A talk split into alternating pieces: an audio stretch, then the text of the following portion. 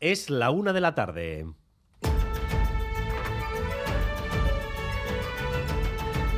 Crónica de Euskadi con Dani Álvarez.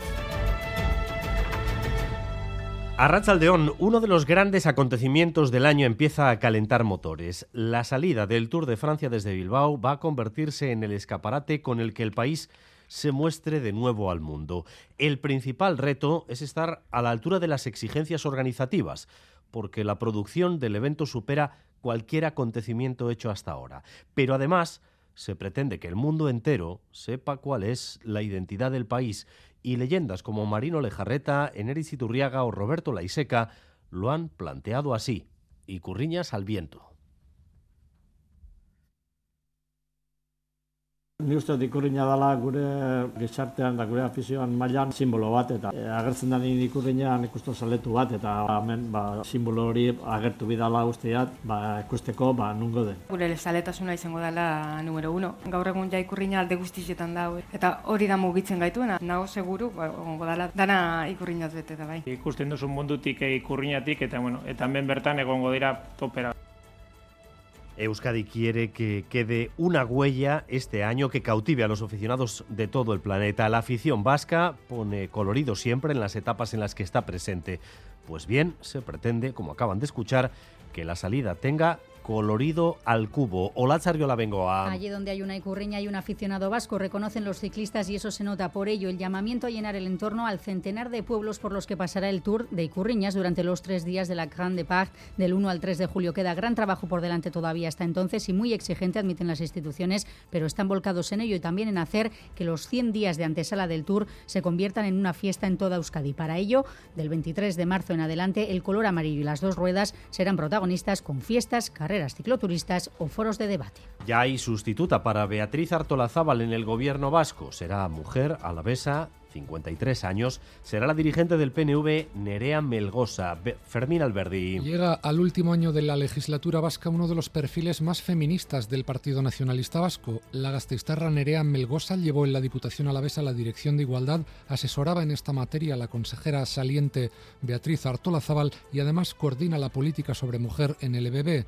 Nerea Melgosa tiene una segunda trayectoria en la acogida de migrantes y el impulso de la diversidad. El Lendakari Urkullu, ante el que mañana tomará posesión del cargo, apuntala ese perfil de mujer alavesa comprometida. La precampaña hacia las elecciones municipales y forales de mayo ya está lanzada. Podemos e Izquierda Unida han sellado hoy la prórroga de su alianza para esas elecciones, lo que garantiza la pervivencia de la marca vasca hasta que llegue Sumar. Ayer el Endacari reivindicó la gestión del PNV al frente de las principales instituciones. Lo hemos hecho bien, dijo Urcuyu ante cientos de cargos de su partido. Pero ese modelo, según EH Bildu, está agotado. Hoy en Boulevard, Mayalen Iriarte ha afirmado que frente a ese planteamiento caduco del PNV hay uno que encarna Euskal Herria Bildu, que gobierna contando con la gente. Estamos a punto de llegar al primer cuarto del siglo XXI y en muchas ocasiones seguimos haciendo política como en el siglo XX. Es importante que la gente también se sienta implicada y se sientan implicados los agentes eh, económicos, sociales, la ciudadanía organizada y en ese sentido yo creo que lo estamos haciendo en cada uno de los ayuntamientos que gobernamos.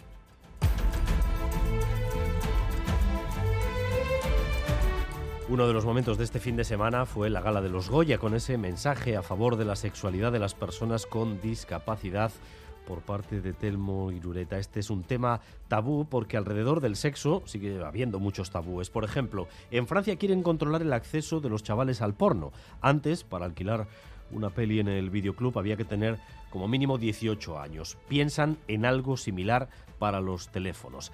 Y hay gente dentro de esa industria del porno, sobre todo mujeres, que trabajan por crear un porno distinto más amable para las mujeres. Xavier Madariaga. Todos coinciden, cada vez consumimos porno más temprano. Lo malo es que a esas tempranas edades difícilmente somos capaces de diferenciar si el sexo funciona como eso que debemos. En Francia, Macron se ha propuesto limitar el acceso al porno en Internet de los menores, mientras aquí estudiamos la incidencia de esos contenidos y hay quienes reivindican el porno feminista. En Barcelona vive una de sus grandes defensoras. Enseguida conocemos su trabajo.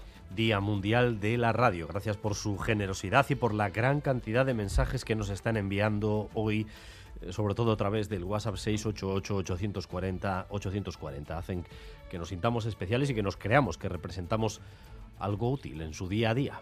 La radio es bueno porque en vez de ver la tele, así lo escuchas y creas tu imaginación. Me despertáis por la mañana y por lo menos hablo con alguien, aunque no me escuchéis. Que no me acompañéis muchísimo, que, que nosotros ponemos la radio desde que nos levantamos hasta casi que hasta que nos acostamos.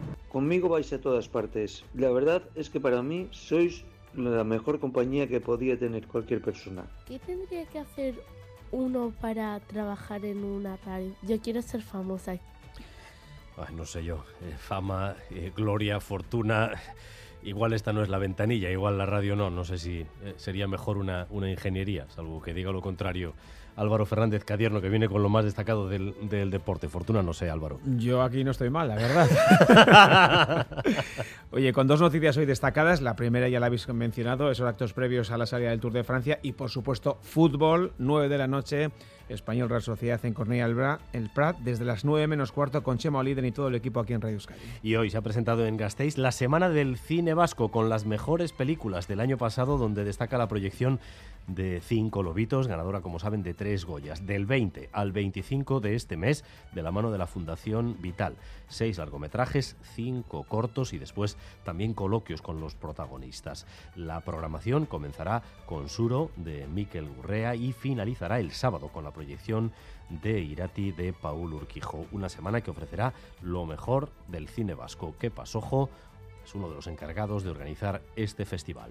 La cosecha del año pasado ha sido excepcional, tanto de largometrajes como de cortometrajes. A nivel estatal ya hemos visto en los Goya ¿no? las grandes películas que ha habido y, bueno y algunas de las que vamos a ver también que han estado han estado nominadas o presentes también en, entre las mejores películas del cine español, ¿no? Y eso bueno ha, hace pensar que sin duda alguna pues el cine vasco atraviesa un gran momento en cuanto al tráfico, un punto de atención según el Departamento de Seguridad, la N124 en Armiñón. Un camión averiado ocupa parte de la calzada en sentido Logroño. N124, Armiñón, sentido Logroño, precaución por un camión averiado. Ni rastro de nubes en el cielo hoy tampoco, temperaturas agradables, especialmente durante el día, empujadas por el viento sur, algo más intenso en Vizcaya. Recuerden que a partir de la noche entraremos en aviso amarillo por riesgo de incendios forestales, sobre todo en Vizcaya y en Guipúzcoa. Hasta los 17 grados suben los termómetros ya en Donostia, 16 grados en Bilbao o en Bayona, 9 en Vitoria-Gasteiz y 8 grados de temperatura en Iruña. Gracias un día más por elegir Radio Euskadi y Radio Vitoria para informarse. Raúl González y José Ignacio Revuelta se encargan de la dirección técnica, a Itziber Bilbao de la coordinación. Crónica de Euskadi con Dani Álvarez.